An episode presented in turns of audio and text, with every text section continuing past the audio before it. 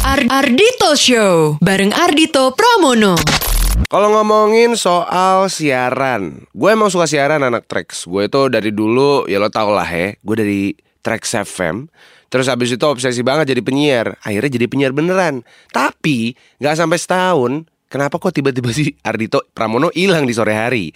Itu karena gue dipindahin ke podcast anak Trax. Jadi Trax FM tuh bikin podcast sendiri. Jadi kalau misalnya lo pengen dengerin gue ngobrol sama siapa pun ya, nggak cuma musisi, bisa aja kita ngundang Bapak Budiman Sujatmiko ya, amin.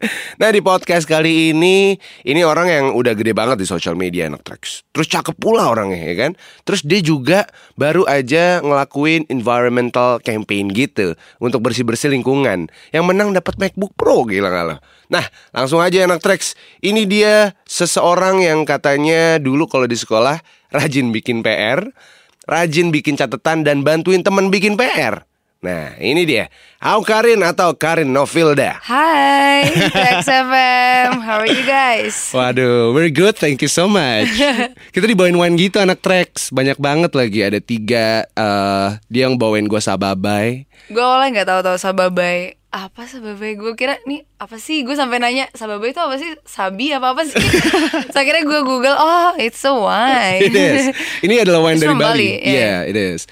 Kalau misalnya lo suka anggur merah cap orang tua, Mhm. itu ada juga rasanya yang kayak gitu. anggur merah campur orang tua emang ada Cap orang tua. oh cap gue pikir anggur merah campur orang tua oke Minumnya sama orang tua kalau gitu.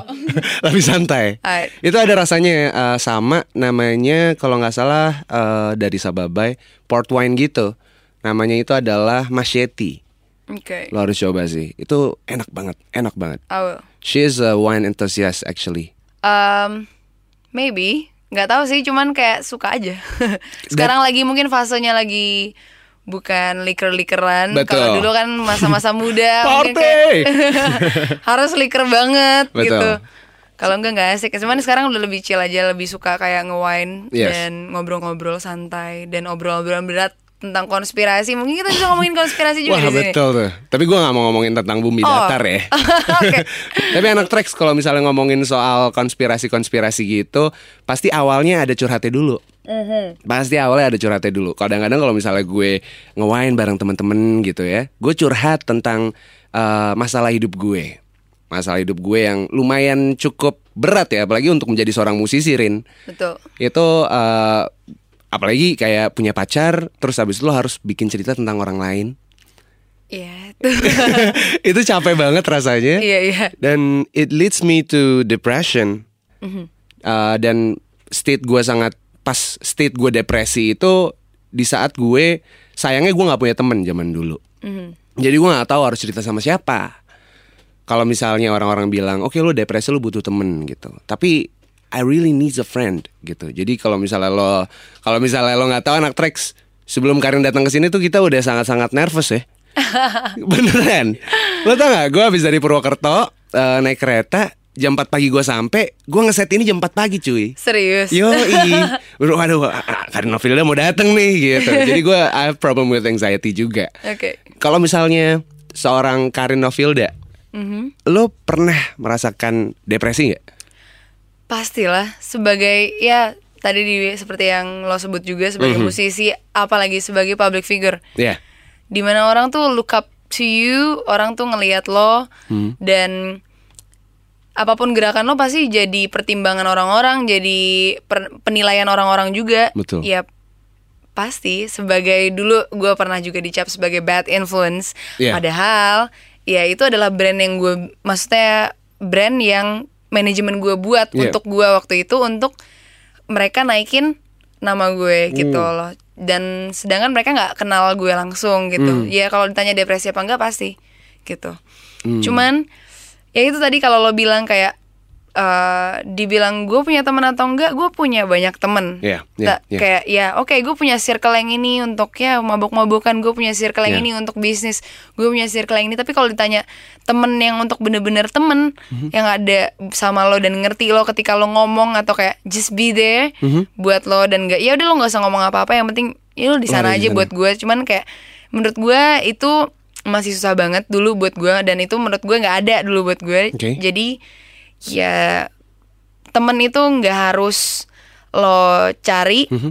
eh, atau lo punya gitu lo paksain ke tem- sahabat lo yang lo anggap sahabat Mhm. itu bisa jadi bukan temen lo yang bisa lo ceritain tentang masalah eh, mental lo Iya. jadi temen lo tuh bisa dari psikolog gitu loh Iya, betul. dan ya lo nggak perlu malu untuk pergi ke psikolog Iya. cause it's very normal karena kayak sama aja kayak fisik Mhm. kalau lo sakit fisik lo flu lo pergi ke mana? Dokter. Sebenarnya fisik dan mental itu sama. Kayak kalau misalnya mental lo lagi sakit itu bukan berarti lo sakit jiwa yang gila yang kayak orang gila. Enggak. Iya, iya. sakit jiwa ya sama aja kayak men, men- apa namanya fisik lo lagi sakit gitu Iya. loh. Dan kalau jiwa lo lagi sakit kita harus obatin jiwa kita. Gimana Betul. caranya kita bisa dengan cara menenangkan diri mungkin kalau misalnya Meditasi. atau liburan Mhm. atau mungkin kalau emang udah di fase yang parah banget ya lo ke psikolog you- Iya. lo seek for help gitu loh jangan kayak sendiri gitu Dan eh, menurut gue banyak juga orang-orang Indonesia yang nilai psikolog atau psikiatris itu cuma buat orang-orang gila.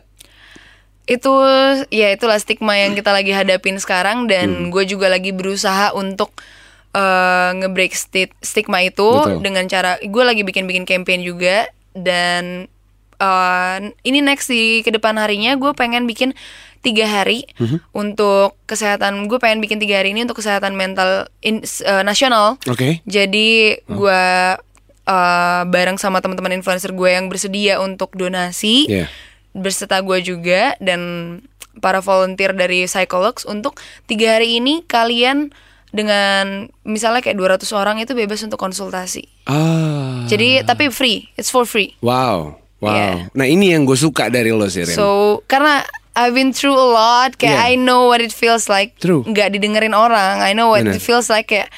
Um, gue pernah ada di fase juga di mana kayak um, orang tua gue tuh bukan uh, jawaban dari uh, apa yang gue cari dari kegelisahan gue Hmm. gitu loh dan ya nggak salah untuk berpikir seperti itu karena kadang eh, ya gue nggak menyalahkan orang tua gue untuk mereka berpikir uh, semuanya ke agama karena mereka Hmm. bener. lumayan Iya. eh gimana Strict ya? agama ya. Ya straight sama agama, strict Mhm. sama agama, strict banget sama agama.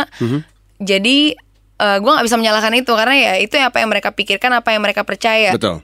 Jadi gue yang nggak bisa cerita ke mereka, gue nggak ngerasa bisa jujur ke mereka. Itu gue pernah ada di posisi itu yang gue nggak bisa percaya sama temen gue, even sama pacar gue Mhm. ataupun sama orang tua gue itu waktu SMA. Mhm. Jadi I feel lost kayak gitu, I felt lost waktu itu. Tapi akhirnya gue coba untuk ke psikolog dan gue nemuin temen gue tapi teman profesional gitu loh yang kayak mereka ngasih eh, apa namanya advice Iya. segala macam itu secara profesional. Betul.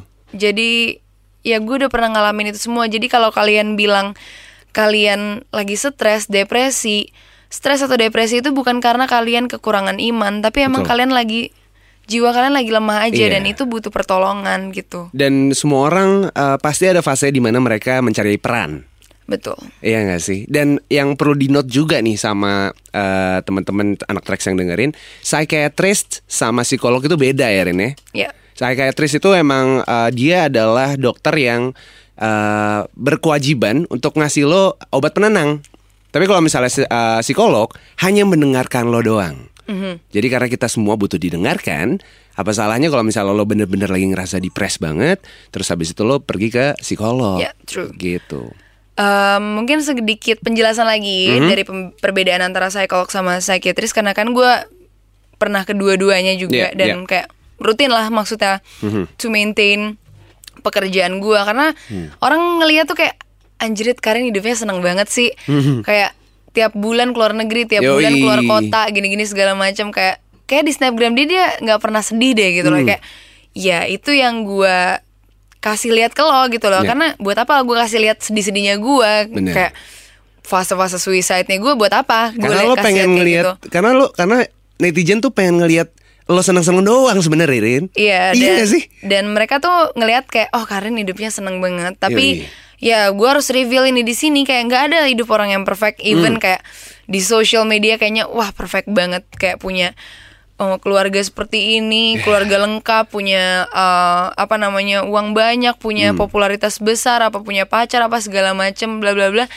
Pasti ada masalah Pasti. di nggak ada yang perfect di hidup ini dan gue harus reveal ini gimana caranya gue maintain kayak untuk gue stabil nggak supaya gue nggak di fase manik atau gue lagi fase depresi ya caranya adalah dengan gue rutin. Yeah. ya kayak sekretaris gue yang di sini Yes. manajer gue yang ada di sini juga mereka uh, jadwalin gue untuk kayak oke oke, kalau misal lo masih masih santai uh, emang kita tiap bulan tuh kayak dua kali ke psikolog gitu. Itu pagi ada. Psikolog gue itu kalau kalian mau tahu itu di personal growth. Personal growth. Jalan Aries gue lupa itu di mana tuh. Jalan Aries pokoknya personal growth kalian bisa google aja. Ah, ya Oke, oke, Uh, namanya dokter Veronica. Oke. sebelumnya dokter gue dok namanya dokter Felicia tapi itu sebenarnya cocok-cocokan sih karena Iya.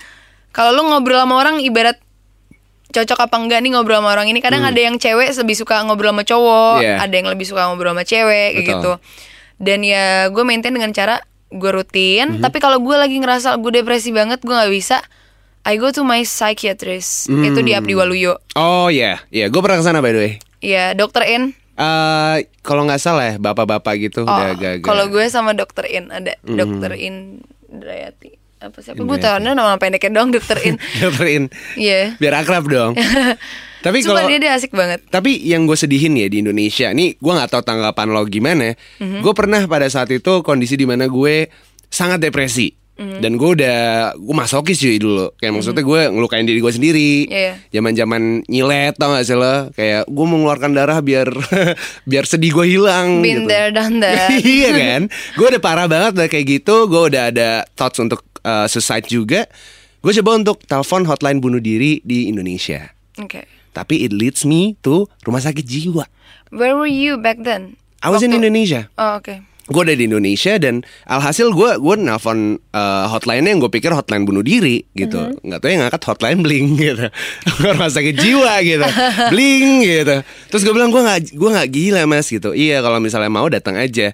Ya kan gue butuh uh, pertolongannya sekarang. Kita belum ada mas yang emang bekerja di di divisi seperti itu. Oke. Akhirnya gue mencoba untuk telepon hotline bunuh dirinya Australia Sydney. Itu tahun berapa ya? 2014 2014 Sekarang aja masih Iya. rada-rada Apalagi dulu. Makanya do mungkin ada yang denger ya. Iya mungkin ada yang denger uh, Orang pemerintahan atau gimana kali ya Rin ya Mungkin Hopefully Hopefully Dengerin juga Karhutla belum selesai guys Nah itu dia Oke, lanjut. Soalnya kalau misalnya gue lihat di toilet-toilet uh, subway di Sydney Mhm. Itu semua posternya Itu tentang uh, ini depresi Hotline buat suicide gitu hotline untuk suicide. Kayak Oke. if if if if you see anything wrong with your friend, ask them why. Kenapa? Iya Tanya tanya lo lagi kenapa gitu. Yang Hmm. yang bener-bener lagi di di campaignin di sana. Dan di sini tuh nggak ada. Seakan-akan orang baik-baik aja, seakan-akan dunia digital, sosial media kita yang udah berapa tahun berjalan ini baik-baik aja. Iya Jadi kayak gue gue gue gimana ya gue nggak bisa ngelihat ada kepentingan orang-orang yang ada di belakang sana di situ perannya tuh nggak ada sama sekali. Kita yang anak-anak muda tuh kayak ibaratnya yaudah lo bisa kok manjat pohon gitu. Ibaratnya seperti itu. Eh sebenarnya Dit, kalau menurut gue Hmm. emang gue nggak menyalahkan Indonesia sendiri karena kan kita bukan negara maju, kita masih Hmm. Benar. negara berkembang di mana kita dulu adalah negara jajahan. Benar belajar lah ya. Jadi ya kita emang masih progressing untuk belajar tuh lama Iya, gitu loh. iya. Untuk tahu kalau ini tuh salah, Hmm. ini tuh benar kayak lu tahu nggak kalau dalam data statistik yang gue tahu sekitar dua tahun lalu Indonesia itu ketinggalan lima tahun Oh ya. dari Amerika Betul, betul, dari betul. negara barat lah pokoknya intinya itu secara pendidikan ekonomi apa pun itu dan itu ketinggalan lima tahun apalagi kalau menurut uh, yang gue baca juga dari uh, artikel-artikel dan juga gue pernah baca researchnya dari Agung Hafsah juga Iya. kalau Indonesia pendidikannya itu berapa berapa berapa ke berapa dari Iya, dunia 50 gitu loh. tahun kalau nggak salah bedanya. yes Behind 50 50 years behind. Apa? 50 years. Kenapa lo jadi so Inggris gitu sih? Eh. Biasanya ngomong bahasa Indo. ini gara-gara uh, Penfolds ya iya, gara-gara sering nongkrong di sana party nih kayaknya nih. Jadi so Inggris. Senopati jadi ya. Iya. Iya, jadi maksud gue kita nggak bisa menyalahkan negara kita juga sih. Hmm. Cuman daripada kita saling nyalahin Mhm. salah siapa ini mendingan kita sebagai anak muda ya sih dit kayak Mhm. gimana caranya kita bisa membuat suatu gerakan untuk orang-orang bisa paham Betul. gitu loh Betul. karena kalau lo bilang eh tadi akhirnya gimana tuh pas lo call hotline di Ozzy Eh, you get help yeah, it helps me. He helped me. Akhirnya Oke. gue cuman gue gue nyadar kalau misalnya gue cuma butuh cerita dan gue cuman butuh ada orang yang dengerin gue gitu. how old were you back then I was probably what 20, 21. my age Iya gak sih kayak maksudnya dan dan jangan salah ya gitu. Gue depresi cuman gara-gara seorang cewek. Mhm. Dan itu mungkin orang eh, anak Trax dengerinnya sepele nih gitu. Eh, sebenarnya nggak ada yang sepele buat setiap orang tuh beda-beda gitu loh. Kadang ada yang kayak gua kehilangan 5 juta dan gue depresi. Iya. But you don't know kayak nih Iya. orang punya berapa sih? Kayak Iya. sampai dia depresi tuh berarti emang dia nggak punya gitu Iya, loh sampai dia depresi nggak bisa orang kayak ya ya lalu kehilangan 5 juta Iya. doang, gua baru kehilangan 500 juta kemarin. Iya. Kan lu nggak bisa nyamain itu. Bener bener. Kayak ya perumpamannya seperti itu gitu loh. Setiap orang punya masalah beda-beda dan ketahanan mental yang beda-beda. Bener. Gitu. Dan eh gue ngerasa sih eh mental kita itu terbangun sama orang-orang sekeliling kita. Mhm. Dari cara eh, bicara, dari cara ngobrol, eh, pembahasan yang diomongin, dan juga ada ada, ada orang-orang toxic. Yeah. Nah, kalau misalnya lo nih Rin, orang-orang toxic menurut lo tuh kayak gimana sih? Toxic menurut Hmm. gue. Eh, kalau dari kriteria gue ya Iya. mungkin kayak yang mungkin kalau lagi ngumpul sama gue Mhm. ada orang A dan dia si B ini ngomongin C. Ah. Tapi ketika A pergi dia ngomongin A Yes. sama C kayak gitu kayak hmm, oke. Kalau gue misalnya gue nih nggak suka sama orang ya udah gue cukup bilang sama orang yang gue benar-benar percaya misalnya kayak yang bahkan gak ada hubungan personal sama gue misalnya kayak sama manajer gue eh, anjrit gue gak suka banget sama dia anjing bangsat. Kayak gitu. Cuman ya kayak ya udah berarti kan kalau misalnya dia sebatas kerjaan sama gue Iya. kalau di kerjaan ya, ya dia dengerin kayak ya udah cuma, sekedar sekedar gosip aja udah. Terus ya udah Hmm. lewat gitu loh. Ketika ketemu sama orang ya kalau gue lebih baik gue menjauhi pertengkaran sih dari orang-orang gitu loh kayak Betul. em, karena lu nggak tahu kapan lu harus minta minta pertolongan sama orang Betul. Lo harus nggak tahu- baik lah gitu. Lu nggak tahu orang yang lu benci banget nih hari ini tuh bakal lu mintain pertolongan tujuh hari lagi atau tujuh tahun lagi lu nggak bakal tahu. Iya. Dan lebih baik lo nggak merasa malu ketika lo minta pertolongan padahal lu dulu udah ngata-ngatain udah gini-gini segala macam bla bla bla ya kayak intinya udah do good be good kayak kalau orang jahat ya keep it to yourself kayak doain aja dia yang baik-baik kayak pasti karma itu comes in a way ya gimana dia deserve itulah. Iya. T- Tapi ada orang yang kayak gitu Rin sama lo. Maksudnya yang dulu Iya, sempat ngomongin banyak lo. banget lah. Terus sekarang begging begging for Iya. your uh, posting Iya, banyak- gitu di Instagram. banyak banget Oh gitu. Ya cuman gue gini kalau gue mungkin eh, tips buat kalian nih Iya. eh, para pendengar Trax FM mungkin yang kayak lagi kesusahan juga dengan kayak bingung aduh gue harus kayak skip nih temen gue tinggalin banget apa gimana mendingan gini lo pisahin teman-teman lo lo bikin circle masing-masing kayak kalau gue sistemnya gue bikin circle gue punya circle temen untuk mabok Oke. jadi Khusus untuk itu ya. iya jadi so kalau gue lagi butuh refreshing dari kerjaan gue Nih. gue bakal cari mereka. Oke. Dan sebaliknya, mereka bakal cari gue ketika hari Sabtu dan Jumat gitu loh. Eh di mana lo? Kayak gitu. gitu. Di jam 7 tuh eh di mana lo? Ke mana lo malam ini kayak gitu. Hmm. Yeah, I treat them Yeah. the same way that they treat me kayak gitu loh. Hmm. Tapi gue bakal treat mereka baik gitu loh.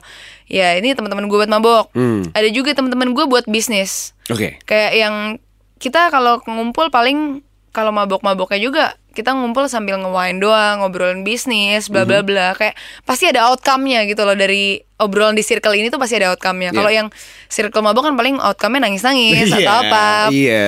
Pulang ya ke mana gitu nggak jelas kan. Udah kalau sama orang yang bisnis-bisnis ini kan kita pasti ada outcome-nya. Oke, kita bisa membuat ini nih, kita bisa bikin ini nih, kita True. ini inovasi bla bla bla segala macam walaupun dalam keadaan mabuk atau tidak gitu loh. Terus kalau gue juga punya teman-teman yang ya di ring- luar ruang lingkup kerja, ada Yeah. ruang lingkup influencer, ada ruang lingkup orang yang gue anggap temen untuk hang out Yeah. dan menurut gue gue nggak bakal mandang dia tuh siapa, keluarganya siapa, berapa duit yang dia punya. Yeah. Ya as long as gue suka main sama dia, gue bakal hangout gitu ya. gue bakal hangout gue punya circle yang kayak gitu juga Hmm. karena kenapa gue circlein orang-orang kayak gitu karena gini loh orang-orang yang tadi orang-orang hedon Iya. mana akan nyambung sama orang-orang ini yang Bener. ada mereka bakal bikin gue nggak enak karena mereka akan mengucilkan orang-orang yang Bener. seperti ini Bener. karena gue pernah menyaksikan hal seperti Iya. itu juga karena gue mencoba untuk menyatukan Lo pernah lah ya ada di Iya. satu tempat kayak eh teman gue yang ini mau datang, teman gue yang ini juga mau datang nih, gitu. Iya, di satu sedangkan meja. gue nganggep ya temen gue yang as yang kayak dia bawel ini tuh asik gitu. Yoi. Sedangkan gue nganggep teman gue yang pendiam ini ya emang asik juga, Asik juga. untuk diajak ngomong konspirasi bla bla bla segala macam. Cuman ya teman gue yang hedon ini nggak akan nyambung kalau kita ngomong konspirasi. Dan temen gue konspirasi ini gak akan nyambung kalau gue ngomongin soal brand apa segala Eh, macam. Jadi ya know your place kayak True. ya mendingan di circlein aja dan gue punya temen yang emang bener-bener buat gue cerita itu ada itu paling cuma satu apa tuh dua Nah, dan eh, beruntungnya seorang lo dan mungkin gue juga karena gue bisa nyambung sama dua-duanya tuh. Kita something in between, man. Yes Jadi kayak kayak kayak seni, kayak art gitu. oke Iya gak sih, it's something in between, not I don't know it's a deliberate. curse or it's- or a blessing Yeah, I mean it's a it's a blessing. It's a Okay. blessing karena kita uh, you can represent yourself as an art karena art is not deliberate, Mm-hmm. not random, but something in between.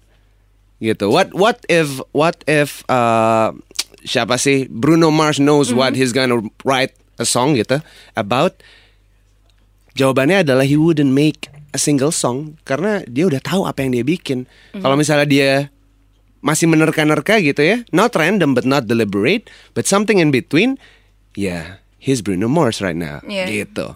Karena ya True. menurut gue kita blessed sih. jadi kalau menurut gue buat overcome segala pikiran lo pusing Yeah. aduh gue harus main sama circle yang mana sih apakah gue belong to the A's Yeah. apa gue belong to the orang-orang yang mana gitu kayak ya mendingan apa salahnya kalau menurut gue lebih baik kalau lo belong to everywhere Iya, iya. To And just be everyone. yourself juga. Iya. Kayak siapa yang mau nerima lo ya terima lo gitu loh. Iya. Kayak bukan berarti lo jadi arogan kayak oke gue mah jadi diri gue sendiri gue emang orangnya arogan tapi Iya. semua orang harus nerima gue Eh, nggak gitu juga nggak gitu juga. Nggak gitu juga Lo harus nyabun juga. gitu. Lo main di sini ya, iya seperti yang lo bilang, know your place. Iya. gitu dan nih ini adalah pertanyaan semua orang di seluruh Indonesia Mhm. dan juga pertanyaan dari teman gue Aldi Ramanda shout out to him nih nih nih pertanyaannya gini begitu lo bangun tidur buka mata gitu ya Mhm. apa sih yang lo rasain Rin Em, are you blessed or baru-baru ini apa ter- sebenarnya tergantung mood juga sih oke kayak kalau I was having a bad night Mhm. kayak bangun pagi pasti kayak anjing anjing, anjing. pasti aduh males banget nggak Hmm. mau cek HP nggak mau cek HP kalau misalnya lagi hangover terus lagi emang lagi jalanin Yeah. heartbreak Yeah. and Ah, all yeah. gitu-gitu segala macam lo tau lah rasanya kayak dia dia khawatir sama gue gak ya tadi malam? Kayak I, I don't wanna check it. Nah, nah, sebentar aja. Terus kayak tahan dulu 20 menit. Terus tapi kayak lo penasaran terus kayak gitu-gitu lah pokoknya kayak ka- gue sih masalah gue Uh-huh. rata-rata in my whole life itu pasti soal percintaan. Ah. Kayaknya. Ya selain dari netizen bla Iya, bla bla iya, kayaknya iya. itu juga salah satu masalah yang berpengaruh di hidup gue tapi itu itu nggak itu nggak mendominasi permasalahan percintaan lo apa nih? Ah, netizen bla bla bla dan lain-lain yang lo bilang tadi. Eh kayak apa ya? Kayak lu negatif punya comments gitu? Iya lu punya ini kan? Lu punya es krim. Hmm. misalnya masalah percintaan gue tuh udah es krim ya. Itu kayak yang lain tuh kayak cuma crumbs sama Hmm. Eh, topping- top- toppingnya toppingnya ya. aja gitu loh. Ah, topping menurut gue kayak ya lu ngata-ngatain gue di Instagram tuh kayak sebenarnya gue punya masalah yang lebih anjing lah buat gue Iya. buat gue pikirin cuman ya itu Uh-huh. ya ibarat lu makan karamel ditambah lagi atasnya topping apa terus kayak hmm makin manis Iya, iya, iya. Eh, Tapi kerasa it's it's good to know that uh, lo nggak begitu terlalu terpengaruh sama uh, negatif I was I sentiment. was back then Oh ya. Iya, of course, I was back then kayak percobaan bunuh diri gue tuh udah bukan nyoba-nyoba kayak I just wanna know kayak gimana rasanya Iya. sekarat atau mati kayak it, it was basically kayak emang I was gonna end it. Kayak berkali-kali Hmm, I just kayak wanna end it. Yeah. Ya SMA kayak wah nggak coba sih itu kayak ya gue nggak bisa kasih detail Yeah, sedih ini because yeah, I don't yeah. wanna glorify that Yeah, it's okay. ya cuman ya itu kayak kayak akhirnya gue find help gue akhirnya bisa gimana caranya untungnya gue bisa kuat dengan diri gue sendiri dan gue cuma bilang sama kalian semua yang mungkin ada di posisi gue juga. Em, keluarga kalian mungkin gak support kalian. Kayak kalau misalnya gue tuh ada di ada di keluarga yang kalau misalnya gue lagi stres kenapa gue ngerasa gue nggak bisa cerita sama mereka? Karena Iya. ketika gue mau berusaha cerita mereka pasti bilang makanya sholat kayak gitu loh. Kayak gue nggak nyalahin itu. True. some of people bisa menenangkan diri dengan sholat, but some of Yeah. them nggak bisa gitu loh kayak Iya. ya bukan sholat doang jawabannya kayak Iya. oke gue bakal sholat nih, cuman kayak gue masih ngerasa kayak ah Hmm. bukan ini belum jawabannya gitu Iya, loh kayak iya. Kak, sam- sama lo butuh orang untuk berbicara dan Iya. menurut gue the best way for you guys Mhm. buat berbicara adalah bukan ke temen lo, bukan ke siapa-siapa, mendingan ke profesional karena Hmm. Iya. kalau lo curhat sama mereka tuh karena mereka udah profesional, lo dia bisa bikin lo nyaman kayak lo tuh sahabat mereka gitu loh. Yeah, true, true, true. Tapi itu yang gue rasain. kalau gue, eh, gue pernah ada di fase kita mungkin agak-agak agak sedikit berbeda nggak apa ya Mhm. pendapat. Jadi gue eh, pernah merasakan depresi berat juga Rin, Mhm. Eh, suicidal thoughts, suicidal attempt Mhm. juga pernah. Eh, yang yang gue rasain itu sama seperti lo. I just wanna end it. Mhm. I don't wanna feel this way anymore. Gue pengen ngerasain apa sih gitu, yang yang yang bisa Tuhan kasih ke gue kalau gue udah nggak ada gitu dan akhirnya selama gue mencari gitu teman-teman yang akhirnya fake juga toxic juga buat gue gue nyari pacar juga pacarnya juga anjing juga gitu ya akhirnya gue menemukan jalan gue eh, gue jujur gue bukan agama yang baik gue bukan muslim yang baik gitu ya gue jarang sholat gue bolong-bolong sholatnya cuman it's Ini good bukan ya gue juga bukan orang yang taat juga sih. iya iya gitu dan tapi it's good for for me though it's good to talk to to God kalau buat gue ya Oke. jadi kayak gue gua selalu ngomong sama Tuhan, gue curhat semuanya sama Tuhan, dan gue menjadikan curhatan gue sama Tuhan itu sebagian dari meditasi gue. Mhm. That's good. Jadi kayak uh, buat teman-teman juga ya nih mungkin yang uh, merasa seperti itu, gue cuma punya Tuhan nih yang bisa gue andalkan. Ya udah jalanin aja gitu. Sebenarnya banyak caranya sih. Banyak kayak banget. Kalau lo ngerasa lo lebih bisa lebih nyaman curhat sama Tuhan ya Iya. dan do it gitu Iya, loh. iya, iya. Tapi kalau lu udah coba untuk bicara sama Tuhan sama keluarga lo dan lu tetap ngerasa enggak tapi nggak bisa gitu. Iya. Mungkin killing yourself is not the way gitu True, loh. true.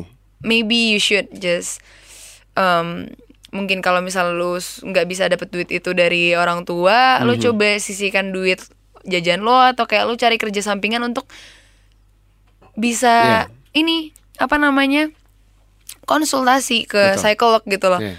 Gitu. Iya, iya. Dan uh, kalau misalnya gue mostly most of my time kalau misalnya gue sendirian tuh gue selalu ngerasa depresi.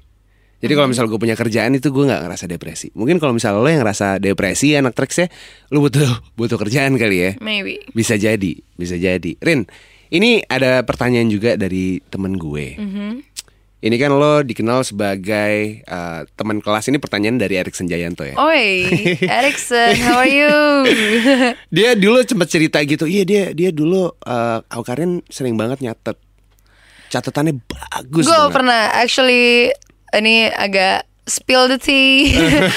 gue pernah nangis waktu itu gara-gara kan gue emang eh apa ya dibilang kutu buku juga bukan, tapi gue tuh bandel banget anaknya rebel banget tapi Nyatet juga. tapi gue bisa dibilang bisa dibilang nggak nggak nggak meninggikan diri tapi mungkin Eh. gue anak berprestasi dulu salah satu anak berprestasi dulu jadi Lo memang berprestasi Rin. karena eh, didikan orang tua gue juga sih Aha. jadi sebenarnya Iya. diri gue adalah anak yang rebel Cause Oke. I'm a sagi Oke.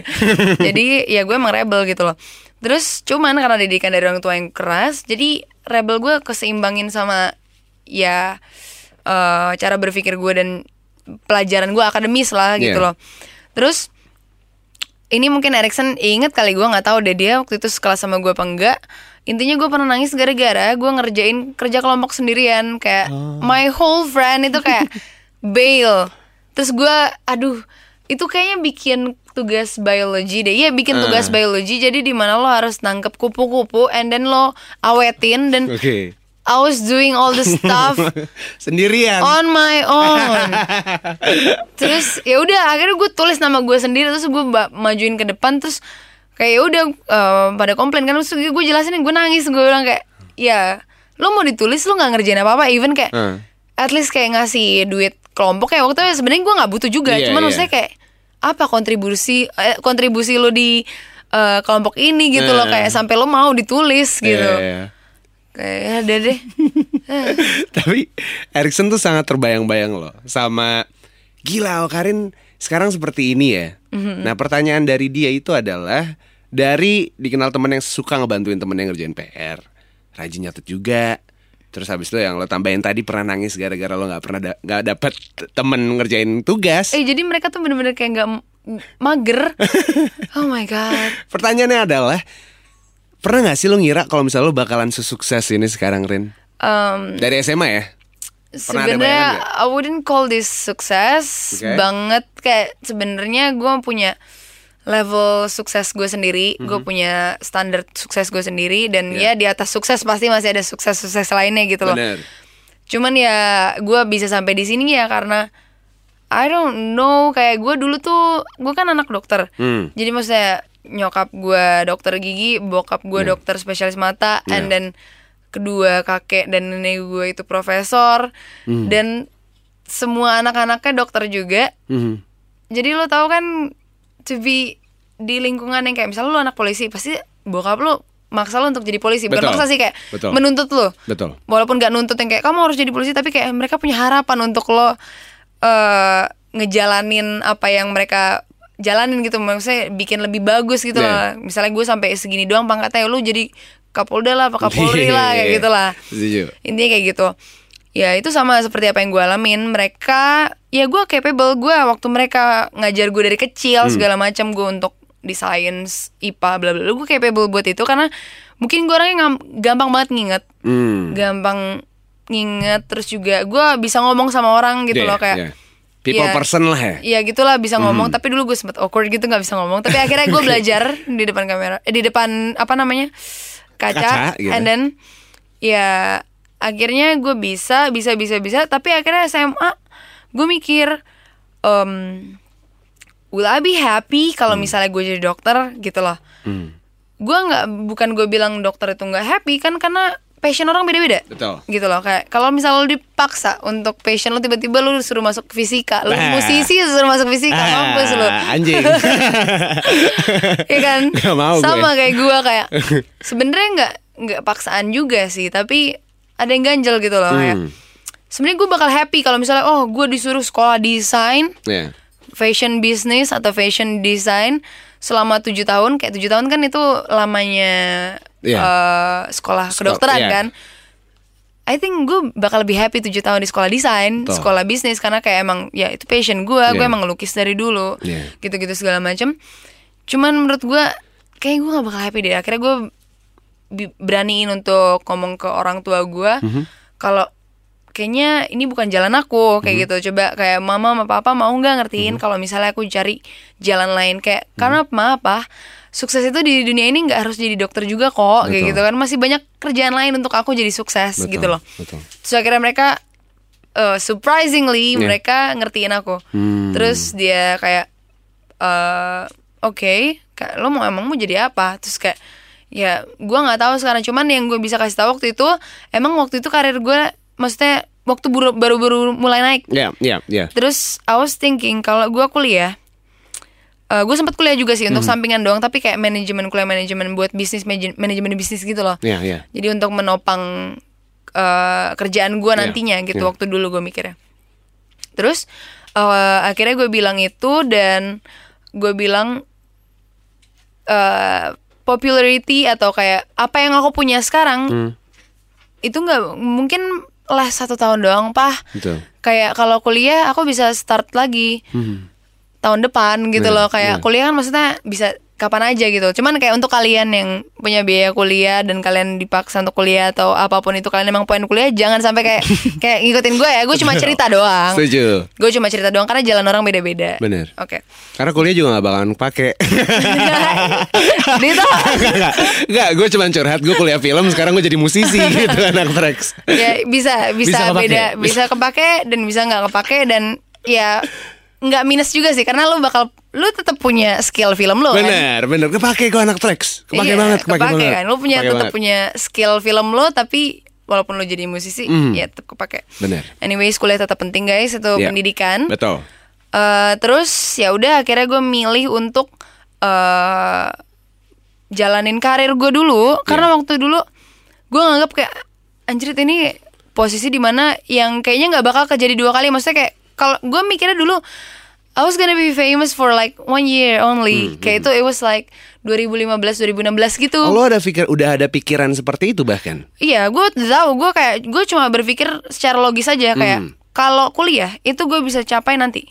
Iya. Gue kumpulin duit sekarang, gue bisa bayar duit kuliah lagi nanti Betul, gitu loh betul. kayak eh, mungkin tahun depan kah atau dua tahun Bener, lagi gitu loh. bener. Tapi kalau misalnya gue sia-siain, maksudnya kerjaan karir gue sekarang, Iya. gitu gue nggak tahu eh, ini bakal terjadi sampai tiga bulan kah atau satu tahun kah atau Iya. lama kan? Gue nggak tahu gitu loh. Kayak Betul. itu it's gambling. So menurut gue ya gue manfaatin yang ada sekarang. Gue bilang pas sekarang aku mau puk duit dulu. Jadi mama papa nggak perlu khawatir untuk duit eh, kuliah yang mama papa pernah bayar Mhm. aku bakal ganti in a month which I have. Ah. kayak gue udah gue udah gue udah bayar ke mereka. Maksudnya kayak gue bakal ganti eh intinya kayak untuk ke depannya nggak perlu khawatir sama pendidikan gue Iya. karena gue bakal biayain itu semua Oke. untuk diri gue sendiri gitu loh. Maksudnya gue bakal biayain sendiri dan gue bahkan kalau misalnya nih gue Iya. bisa berhasil, Uh-huh. gue bakal bayarin adik gue juga untuk kuliah ke depannya gitu. amin. Terus kayak ya ternyata mereka ngasih restu dan ya jalan-jalan aja lancar karena kayak emang kalau menurut gue tuh gue emang bukan orang yang taat Mhm. kayak kalau ditanya lo sholat apa enggak ya sholat tapi bolong-bolong Iya, gitu iya. kayak percaya Tuhan apa, apa enggak percaya Tuhan Iya. tapi kayak tetap gue nggak ngelakuin nggak terlalu ngelakuin Iya. apa kewajibannya cuman Hmm. satu sih yang gue percaya di dunia ini itu adalah restu orang tua Betul.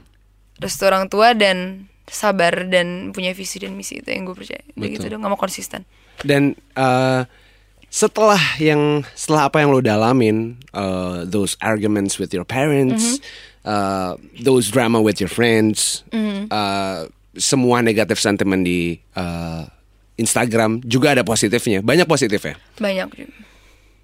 Pertanyaannya adalah, are you happy? right now Iya. well nggak bisa dibilang gue happy 100% cause kalau 100% happy siapa gue. Iya, iya, iya. Siapa lo Buddha? Gak punya dosa. Iya maksudnya Gitu. kayak ya Iya basically secara normal ya gue happy sekarang Hmm.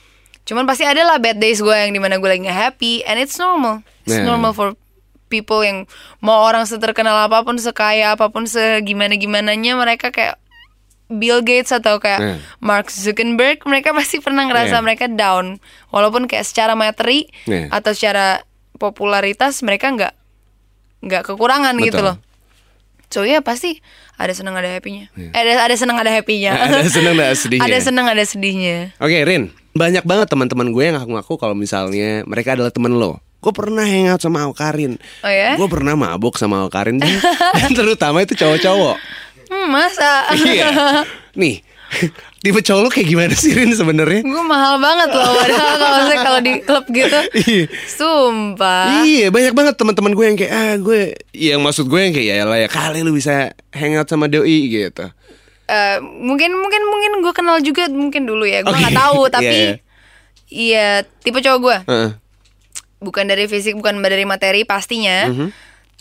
Hmm, cuma keinginan dia untuk bangkit aja untuk kayak eh kerja, mungkin usaha. Iya. Kayak keinginan dia untuk mencapai sesuatu itu yang jadi tolak ukur gue untuk ngelihat seseorang tuh Iya.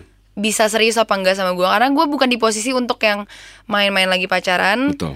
Eh, walaupun gue mungkin orang mikir kayak anjir tuh masih 21 tahun mungkin tapi kan kita berbeda-beda perjalanan hidup yang udah gue laluin dan yang kalian laluin beda gitu loh lu 21 tahun tapi lu nggak ngelaluin apa yang gue laluin Nah. sebaliknya seperti itu Nah. jadi kalau menurut gue ya gue sekarang masih nyari pasangan hidup yang emang ya bisa jadi orang yang ada ketika gue butuh bukan sekedar kayak ya sekedar pacar tapi kayak ya lu pasangan hidup gitu lah. Karena gue nggak nyari untuk pacar-pacaran doang gitu. Terus kalau gue ditanya kriteria cowok Mhm. eh itu tadi nggak nggak fisik nggak materi cuman setia. Hmm? Sama satu lagi itu doang sih kayak motivasi hidup dia apa. Itu udah kalau lu tanya motivasi hidup dia apa ke depannya dia mau jadi apa kayak bagaimana dia akan tanya pertanyaan simpel aja kayak gitu gue bakal nanya ke orang kayak tanpa disadari gue bakal nanya Yeah. kayak gitu ke orang yang mungkin gue interest nih. Misalnya gue lagi Oke. interest nih sama nih orang. Gue bakal nanya pertanyaan yang sebenarnya lo nggak bakal sadar karena gue bakal nanya ini pas lo lagi mabok Oke, oke. Ini anak tracks. Kalau misalnya lo merasa lo adalah tipe yang Karin, tenang aja, tenang aja. Ini salah satu ya. Gimana tuh Rin? ya gue bakal nanya pas mungkin kayak gue ngajak lo minum gini-gini karena lo kalau lagi minum kadang lo bakal jujur Benar. dan gue bakal nanya apa yang menjadi kriteria gue itu ketika kita lagi minum-minum kita santai gue pengen lihat kayak how do you react to my questions terus kayak jawaban lo seperti apa karena gue udah bakal tahu banget kayak cowok yang cuma sekedar kayak oh iya gue mandiri banget kok gini-gini segala macam bla bla bla bla bla bla and shit gue tahu orang yang cuma bohong dan emang beneran Iya. kayak ngelaluin tai-tainya hidup gitu True, loh True. True. ya intinya gitu aja sih kayak gue cuma nyari orang yang setia sama dia bisa tahu hidupnya mau dibawa ke mana karena kalau dia tahu hidupnya mau dibawa ke mana lu nggak nggak perlu tanya kayak eh gimana dia akan mem- memperlakukan eh, keluarganya gitu Iya. segala macam karena dia bakal tahu karena kan ya mungkin itu stigma stigma kita atau kayak stigma di seluruh dunia kalau laki-laki tuh harus jadi kepala keluarga Betul. ya gitu deh Iya, ya kali gitu maksud gue. Gue juga tipe orang yang gue agak gemes nih sama teman-teman gue Mhm. yang selama ini kayak eh, lo tau gak sih tipe-tipe orang yang kayak gue udah mandiri banget gitu. Gue udah mandiri banget tapi gimana eh, gimana cerita lo sama temen lo lo cabut gitu aja. oke Jadi kayak banyak orang yang bilang kalau millennials itu tipe tipe generasi yang menghindari masalah. Lari dari masalah. Hmm, oke Jadi sebenarnya ada cara sebenarnya kita semua pasti menghindari masalah tapi bagaimana caranya aja Hmm, kayak bukan bukan menghindari sih, lari dari masalah. oke Jadi kayak banyak juga kayak udah yang senior senior gitu. Ada salah satu eh, teman gue Mas Yoyo, dia itu adalah sang pencipta lagu Burung Camar. Burung camar terbang melayang bersautan. Vina Panduwinata, tahu kan lo? lu aja yang tahu sih dua empat dia umurnya dua empat juga Sama aku juga ada empat. Jadi kayak dia bilang beberapa eh, millennials yang aku temuin dia tipe orang yang lari dari masalah. oke Baru setahun di company ini cabut gara-gara ada masalah. Eh, betul betul Iya betul nggak? saya merasakan ini Office kayak- cabut. ya gitu. masa ada beberapa talent gue staff Eh. gue yang kayak ya gitu gitu loh Iya. karena sebenarnya nih mungkin sorry cut sedikit Iya. karena millennials itu atau sebenarnya kita ngomongnya kita tuh itu adalah generasi Z tau bukan Iya, millennials iya, kalau mungkin iya. lo ya generasi millennials Iya, millennials tapi kalau gue itu. Z Oke. mungkin gue lupa tuh 90 per berapa sampai berapa itu Z X Y Z itu ya. Z, Z. Oh Z, oke. Ya, jadi kenapa kita sekarang pengen semuanya instan? Ibarat kita nggak bisa menyalahkan juga sih orang-orang ini. Kenapa dia cepet pengen uh, resign? Iya. Oke, gue pengen resign nih sekarang di tempat ini. Karena gue ngerasa di tempat ini gue nggak dapet progres. Iya. Gue nggak dapet apa ya? Apa yang gue pengen capai di pekerjaan atau di hidup ini segala macam bla Oke. bla bla ini. Oke. Karena kan maksudnya gue sebagai ya ketua company gue harus research Yes. soal itu juga. True. Eh, kenapa mereka merasa seperti itu? Mhm. Karena kita ini hidup di zaman yang semua instan. Benar. Lu sekarang kalau misalnya mau Makanan lihat misalnya. makanan, mau lu mau cari makanan, lu nggak perlu pergi naik mobil Iya. atau naik kendaraan umum Bener. untuk beli makanan. Mhm. Tapi lo tinggal buka Aplikasi, Gojek, iya. GoFood, Iya. atau GrabFood, Iya. atau apa pun aplikasi food-food lainnya gitu loh. Iya. Tinggal Gojek nanti klik, bayar ya. tinggal uh, order doang dan mereka datang. Gitu. Iya. Itu instan. It's true. True. Kemudian juga kalau lu pengen tahu berita, lo nggak perlu nunggu koran tiap pagi Bener. untuk koran datang di depan rumah. Untuk lo ngambil atau kayak lo nggak perlu nunggu TV sekarang lo bisa dapetin secara instan di aplikasi Ya. kayak ada aplikasi-aplikasi eh, news lah di news luar sana. segala Iya. macam Ah. terus juga lo Instagram juga udah sebagai news juga sekarang True. Twitter juga sebagai news. Hmm. trending bla bla bla segala macam itu semua serba instan tapi generasi Z generasi milenial itu mereka nggak belajar kalau ada beberapa hal yang mereka nggak bisa dapat instan Betul. salah satunya adalah progres di perusahaan di pekerjaan Iya. progres dalam hidup progres dalam percintaan itu nggak ada yang instan even lo bisa lo bisa dapet yang percintaan yang instan di Tinder Yoi. lo bisa tapi untuk prosesnya lo ketemu sama orang ini oke gue kenalan sama lo nih Dit, Hmm. di Tinder terus kayak iya untuk gue sama lo pacaran kan nggak semudah kayak gue ketemu sama lo eh pacaran yuk Iya, kayak iya. gitu loh kayak Nah. kita harus menjalani yang namanya hari-hari kayak tai-tainya baik-baiknya segala macam bla bla bla itu namanya proses Proses. It is. dan itu hidup Hmm. dan itu adalah yang proses yang milenial dan generasi Z itu lupa kalau di dunia ini tuh masih ada proses Hmm. dan itu nggak bisa semuanya instan lo nggak ada aplikasi yang bisa bikin lo buat naik pangkat Hmm. di kerjaan lo nggak ada Iya, betul. nggak ada aplikasi yang bisa bikin lo tiba-tiba menikah besok nggak ada Hmm, nikah dan cinta sama orang ini nggak ada Iya, iya. nggak ada aplikasi juga yang bisa bikin lo eh jadi seseorang di Iya. dunia ini nggak ada itu semua penuh butuh proses Butuh dan proses.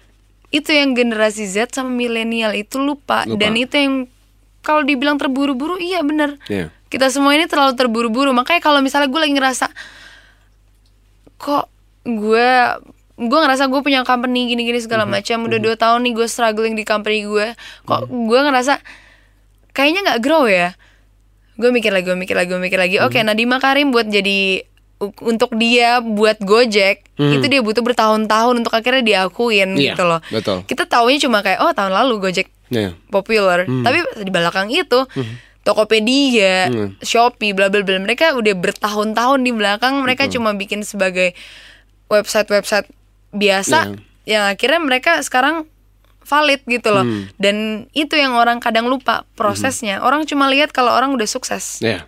orang lihat kayak gue ya Al Karin kan banyak duit Iya. sekarang gini jadi semua apa apa gampang dia kalau ng- ngomong gampang gini gini kayak lo dia nggak lihat pas gue lagi susahnya Iya. gitu gitu segala macam gue lagi kayak ngelewatin tai tainya hidup Iya. ya they just don't say it atau. Hmm. mereka nggak mau lihat itu gitu loh ya emang kalau dibilang semua generasi kita terburu-buru emang terburu-buru. Dan- dan itu yang harus kita bedain antara pesen GoFood sama nyari percintaan Hmm. Iya. atau nyari kerjaan atau. Hmm. kayak lu progres di pekerjaan karena kayak kalau lu mikir lu tahu Gary V gak sih? Gary- Vaynerchuk No, I haven't heard, heard about him. tahu lu tahu oh Ibel tahu tuh Apa siapa tuh Bel? motivator Oh. terus dia businessman juga Kayak gue tahu deh. Cik gitu. Gak tau, gak tau. Iya gak ya tau. Gary V Iya. so Gary V bilang? there's this one thing yang dia bilang Mhm. you're 40 dan lo ngeluh lo 40 tahun dan lo ngeluh kalau lo udah terlalu tua untuk melakukan apa pun Hmm. enggak enggak ada batasan umur untuk orang melakukan kerjaan untuk orang melakukan suatu kesuksesan karena ya lo lihat Bill Gates Iya. lo lihat juga eh, apa namanya Nadim deh. semua dan lain-lain Nah. orang-orang yang emang di company-company lama mereka orang Disney Hmm. Yeah. segala macam bla bla bla kan mereka berapa puluh tahun mereka untuk jadi Betul. Disney berapa puluh tahun mereka untuk bikin Gucci berapa puluh Betul. Hmm. tahun mereka untuk jadi Versace gitu loh kayak mereka Berapa masalah yang mereka hadapi, berapa depresi Betul. yang mereka hadapi. itu yang orang nggak tahu mereka cuma tahu sekarang itu mahal dan mereka keren Yeah. gitu Eh, dan ya pokoknya itulah dan True. ya itu yang harusnya sebenarnya lo lihat karena setiap orang itu nggak kan karena sekarang stigma orang-orang kalau udah lu muda lu sukses berarti lu sukses Iya. Sebenarnya itu tergantung maksudnya ya ada emang ada jalan orang-orang yang 15 tahun udah sepinter itu gue pernah lihat tuh di berita 15 tahun 13 tahun gue lupa ada yang dia lulus di UGM Iya. Jogja Aha. eh enggak dia udah masuk udah masuk baru masuk dan dia umur 13 tahun apa berapa gitu Gokil. Ya, itu udah kayak ya udah it's his way True. and it's my way buat kayak quit kuliah dan Iya. jalan hidup gue sekarang dan kalian juga punya way sendiri-sendiri gitu loh Jangan jangan beranggapan ya anak Trax kalau misalnya lo banyak masalah, lo nggak akan menjadi seseorang nantinya. Karena True. kalau misalnya menurut gue, ini based of my, based on my experience, masalah itu adalah sesuatu yang akan menjadikan lo sesuatu nantinya. Betul. Jadi ibarat kalau misalnya lo punya satu bongkahan stainless stainless steel, terus habis itu lo nggak lo apa-apain, dia akan tetap menjadi sebuah besi yang nggak bisa memotong apa pun gitu. Ya, true. Tapi kalau misalnya satu bongkahan itu lo pukul, lo panasin, lo pukul lagi, setelah lo pukul lo panasin lagi, berulang-ulang kali, dia akan menjadi satu pisau belati yang tajam dan bisa mangkas apa pun. Jadi ibaratkanlah diri lo anak Trax menjadi sebuah bongkahan besi itu ya.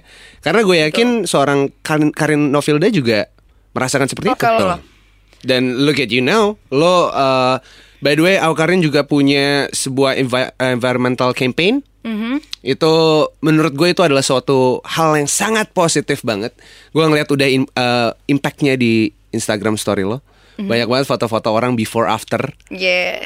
Jadi kayak lo nggak perlu takut anak Trax untuk menjadikan apa ya sebuah masalah yang ujung-ujungnya juga akan baik gitu. Ya sebenarnya gini loh kayak ibarat apa sih artinya? Yang kan gue ngasih 30 juta ya, maksudnya Iya. MacBook Pro Iya. yang touch bar itu harganya sekitar 30 juta. Ini Hmm. sa gue sama kolaborasi sama temen gue nih eh, yang punya store juga, store Iya. iPhone gitu, Hmm. Mac gitu bla bla bla. Dan apa artinya 30 juta sama anggaran negara yang sebenarnya bisa dipakai untuk bikin dunia ini lebih baik di negara ini lebih baik Iya. maksudnya. Iya. Ya gue nggak tahu lah mungkin mereka punya urusannya masing-masing, mereka masih ada punya prioritasnya sendiri, gue nggak tahu. Cuman gue cuma menyampaikan, ya menurut gue yang gue korbankan di sini nggak sebanding sama apa yang kalian lakukan untuk membersihkan Indonesia Iya. menurut gue. Iya. Jadi kayak ya nggak apa-apa gue kehilangan 30 juta untuk bikin beberapa wilayah di Indonesia bersih. Thank you so much Aukarin for doing that. Terima kasih banyak atas kedatangannya ke sini ke studio yang entah berantah ini gimana. Terima kasih atas uh, semua uh, Permabukannya. permabukannya dan for your positivity. Thank you so much. Anak trek segitu dulu. Sampai ketemu nanti di on air kali ya. Kita on air lucu kali ya waktu ini. Boleh. Tapi sebenarnya ada sih satu tadi yang gue lupa banget sampein. Apa tuh? Em, soal parenting. Oke. Yang bisa ngaruh ke depression dan lain-lain Ah. segala macam bla bla bla. Parenting di Indonesia sama parenting di luar negeri itu beda karena gue punya pernah punya teman juga yang dia live abroad di Oz, Aussie juga Aha, aha. Australia. Terus eh gue dia pernah cerita ke gue kayak emang beda parenting di Indonesia sama parenting di luar negeri sama di negara yang pernah gue tinggal enam tahun itu beda. Hmm. Oh ya, beda gimana tuh? Gue tanya kan. Akhirnya dia bilang, eh iya soalnya gini, gue dulu tinggal homestay gitu. Oke. Iya, homestay sama kayak orang tua. Tahu kan lo homestay? Iya, iya. Ya. Jadi dia punya anak, punya anak kecil, masih Oke. kecil banget. Gue gak tahu umurnya sek- sekitar 1-2 tahun. Yang udah bisa jalan lah pokoknya. Hmm. And then dia main di jalanan. Lu kalau di Indonesia lu lihat anak lu, maksudnya kayak an- eh, lu lihat orang Indo main anaknya main di jalan pasti kayak langsung ditarik. Iya. Kamu jangan main di jalan, ntar kamu ketabrak, kakimu patah, gini-gini segala macam. Udah ditakut-takutin gitu loh. Kalau temen aku dia bilang itu bedanya orang Indo, maksudnya di sini di negara gua asal gua sama di pas gua lagi eh, kuliah itu bedanya parentingnya. Mereka dari soal hal kecil gitu aja, anaknya main di jalanan ditarik, bentar. Nah, dia nggak, maksudnya nggak mau pakai bahasa Inggris kan? Iya. Eh, sayang, kamu ngapain main di jalanan? Eh, dia bilang kayak nggak apa-apa pengen main. Terus eh, kamu tahu nggak kalau kamu main di jalan nanti kamu bisa ketabrak. Iya. Terus emang kalau misalnya kamu main di jalan kamu ketabrak, kamu nanti mama sedih kalau kamu ketabrak. Emang kamu mau bikin mama sedih? Mereka kasih suatu apa ya permasalahan dan mereka kasih solusi. Sebab dan akibatnya. Iya, mereka kasih kayak kalau kamu ketabrak, mama sedih. Iya. Itu in a way that kids can understand gitu. Nggak perlu kayak kamu kakimu patah gini-gini, kamu Hmm. harus dioperasi gini, mahal lagi biayanya bla bla bla segala macam. Itu kan tipikal kita gitu loh. Hmm. Yang kayak ya marah-marah dulu lah biar orang an- apa Iya. anak-anak tuh pada takut gitu loh. Terus ya itu juga mungkin karena parenting itu kebanyakan parenting di Indonesia seperti itu jadi anak-anak di Indonesia banyak yang kurang berani untuk berpendapat Betul, gitu karena betul. takut mereka Iya. takut dijudge Iya. dari keluarga aja udah dijudge apalagi di luar di luar lingkungan Iya, gitu betul. itu menurut gue sih jadi kayak so kalau kalian hidup di lingkungan seperti itu Mhm. just be yourself but tetap respect your parents kayak find a way gimana cara ngobrol sama mereka kalau misalnya kalian nggak sejalan kayak gitu sih Iya. tetap Jadi kalau misalnya mungkin buat anak-anak tracks yang di luar sana juga banyak yang punya uh, momongan gitu ya. Mhm. Jangan seperti orang tua yang gimana ya? Itu itu bisa dibilang sangat memanjakan anaknya loh. Mhm. Eh, Lu nggak boleh main ke uh, pinggir jalan. Mhm. Kenapa? Nggak tahu, nggak boleh aja gitu. Iya, Itu yang sudah kita lakukan dari bertahun-tahun yang lalu. Iya, iya. Lu nggak boleh main di di uh, jalanan. Tapi lu harus kasih tahu sama mereka. Sampai gede pun lu harus kasih tahu. Mhm. Lu nggak akan tahu rasa sakit itu apa kalau misalnya lu belum pernah tahu rasanya itu seperti apa. betul Jadi uh, mungkin buat anak tracks juga ya yang masih sekolah. Gue gua masalah di sekolah gue di DO beberapa kali Irin. Gara-gara Mhm. nggak kelihatan loh oh ya? Gue di DO beberapa kali karena gue nggak mau ngerjain PR. oke Eh, bukan nggak mau, gue udah berusaha mengerjakan PR sebisa mungkin. oke Tapi hasilnya ya paling gede 5 lah gitu. itu juga kalau di Ozi kan Eh. mereka ada ini kan ada toleransi untuk anak ADHD Betul, betul. gitu Kayak cuman di sini kan the fuck is tabu, ADHD ya sih jadi tabu gitu. Kayak gue ngerasanya memang sistem pendidikan di Indonesia-nya gue gua gua agak kecewa dulu pas gue SMA karena yang gue rasa kalau misalnya semua anak dilahirkan seperti eh, semua anak dilahirkan menjadi sebuah monyet misalnya. Dan gue adalah seorang eh, ikan deh. gue itu adalah seorang ikan. jauh Semua anak itu disuruh manjat pohon. Tapi gue ikan, gue nggak bisa, gue bisa berenang. Kan nggak adil buat gue. Ya true. Gitu. Jadi just do whatever you want to do anak tracks Eh, apa pun passion lo ya mungkin harus toleransi juga kali ya. Sama environment sama uh, peoples around you gitu. Tapi apa pun yang lo alamin hanya percaya ini. Dreams do come true. Is it right or wrong it's true of course. It's true. It is. It is. Gue baru pagi ini nge-tweet kayak dulu SMA gue pernah punya cita-cita maksudnya kayak bukan cita-cita sih kayak um, ntar abis kelar SMA gue mau kerja dan gue punya gue harus punya mobil paling nggak jazz. Maksudnya kayak nggak neko-neko gue cuma pengen punya jazz dong kayak cause gue tau orang tua gue maksudnya mereka bukan tipe yang manjain gue yang Iya. bakal beliin gue mobil. Walaupun mereka bisa tapi mereka bukan orang tipe orang tua seperti itu gitu loh. Kayak ya gue dibiarin hidup gitu loh. iya. kayak gitu loh. Terus ya nggak tahu gimana tiba-tiba setelah gue bermimpi seperti itu setahun kemudian gue bisa punya Mercy sendiri Betul, gitu loh. Betul. yang dan dengan hasil kerja keras gue sendiri. Hmm. dan jadi semenjak itu gue selalu mikir kayak hmm, lu nggak perlu takut buat mimpi sebesar besarnya betul. Karena mimpi yang besar itu emang yang bakal diketawain sama orang. Tapi kalau lo seimbangin mimpi lo sama usaha lo itu bakal jadi keren banget sih bakal Hmm. jadi kenyataan yang penting anak tracks sabar satu persatu Ar- Ardito Show bareng Ardito Pramono.